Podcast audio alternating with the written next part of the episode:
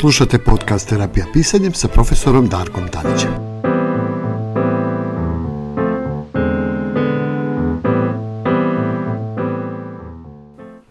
Dobar dan i dobrodošli u najnoviju epizodu terapijskog pisanja. Danas ćemo da pričamo o tome šta znači to biti normalan. Postavlja se pitanje ko je ovdje lud?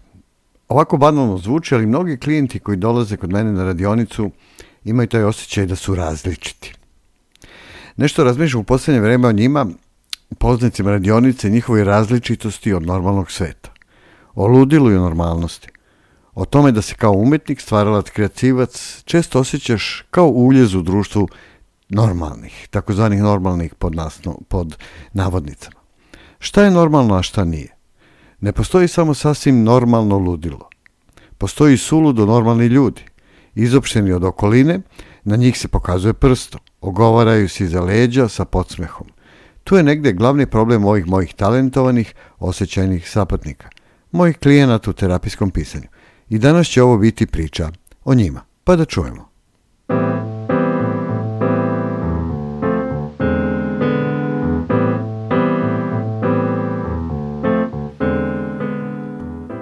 Kako biti normalan u društvu normalnih?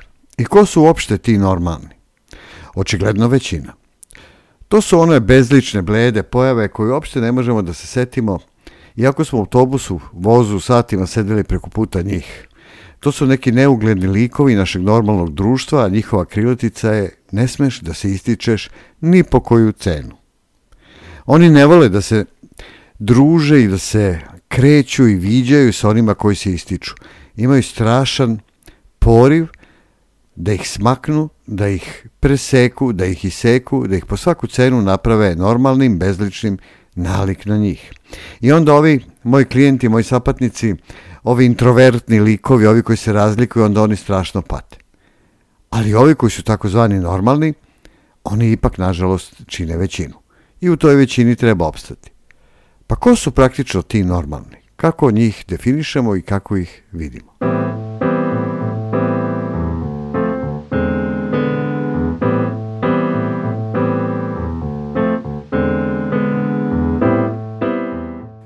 U školi su bili dobri, prosečni, pomalo štreberi, ali ne toliko da bi se ostali učenici u školi u razredu osjećali ugroženima. Tokom puberteta učiteljima su lepili žvakaće gume na stolicu, ali nisu to nikome rekli da ne bi bili uhvaćeni. Životnu su saputnicu upoznali u lokalnoj prodavnici, u razredu, u školi, možda na poslu ili na studijama, ženu koja je čistoće na prvom mestu ili muškarac koji je uvek po pesu. Dubinska čistoća, razume se. Vremenom postali su službenici u državnoj upravi, korporaciji ili nekom sličnom mestu, tamo gde je sigurno i toplo, a stanje uvijek predvidivo, i počeli su donose da uniforme i proverene bezlične poslovne kombinacije kako se ne bi isticali. Odeću su uvek birali onako kako to pristoji jednom gospodinu ili poslovnoj ženi koja drži do sebe. Muškarac ili žena zna da se dobro obukao, ako se kasnije niko više ne može da seti šta je imao na sebi. Svojim razmišljanjem naravno uvek prate trendove, pomali su kritički nastrojeni, ali ne previše. Umiru sasvim nespektakularno, od srčanog udara ili šloga, kao i većina njihovih prijatelja. Na nadgrovnoj ploči im piše živeo je tiho i neupadljivo, umro je jer je takav bio običaj. Tako čak i kao leševi potpuno prate trend. Takvi ljudi nikad ne mogu da završe na psihijatri ili na nekoj terapiji, ne daj Bože – Na svim psihološkim testiranjima bi postigli krajnji normalan rezultat. Kad ih čovjek gleda, nije uvek siguran da li su uopšte živi, a ako jesu, kako je to moguće? Verovatno su ipak živi na neki način, samo mi to ne primećujemo. I tako se krug zatvori. Neko je rekao jednom na nekoj društvenoj mreži kako se nikad ne piše u medijima o tim malim normalnim ljudima koji rade beznačajne poslove i na kojima počiva svet i koje obično ne primećujemo. da, sasvim sigurno da počiva, ali zato ovo, ovi suludo normalni pokreću isti taj svet. Svojim idejama, izumima, slikama, muzikom, pričama, ovi drugačiji, ovi koji nisu normalni, ovi koji su čudni ili neobični.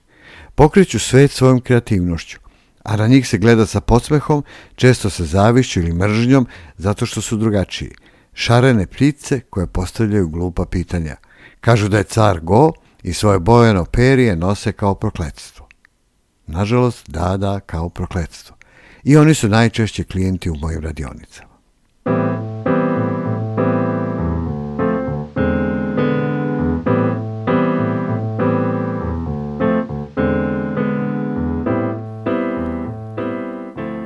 Suludo normalni umeju da pate i za druge. Tiranija normalnosti hrani se velikom iluzijom o večnom postojanju normalnog i prolaznosti neobičnog. Međutim, situacija je u stvari upravo obrnuta. Naime, u normalnosti se ništa ne događa, ona je samo kulisa za prave događaje. Normalnost zapravo uopšte ne postoji jer nema suštine.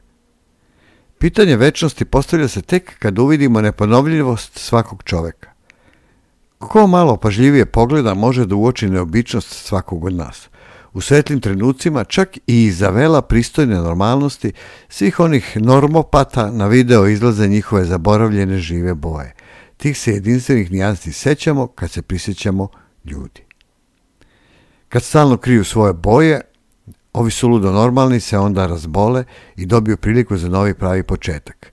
Ali ipak, koliko ih taj početak i tu priliku svagano iskoristi neko od njih. Zato budite svoji, budite normalno suludi. Nemojte se bojati svoje različitosti. Negujte svoju neobičnost. Negujte svoju različitost. Jer to je jedini pravi recept da budete svoji, da proživite svoj vek onako kao što dolikuje jednom ljudskom biću i da budete suludo normalni. Dobrodošli u klub. Posetite terapijsko pisanje. Počnite da se bavite sobom i otkrićete kako treba da uživate u svojoj suludoj nenormalnosti. Jer to je zapravo jedino ono što imamo i što je zaista naše. Ne bojte se, pridružite nam se. Budite svoji, pišite, čitajte, učestvujte u terapijskom pisanju. Prigrlite ovaj metod i počnite da negujete i volite sebe. I rezultati će vrlo brzo da se vide.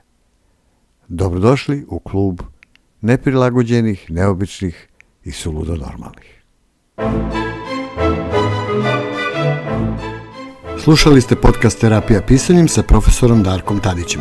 Pratite nas i u sledećim epizodama na našem sajtu www.terapijapisanjem.com. Do slušanja.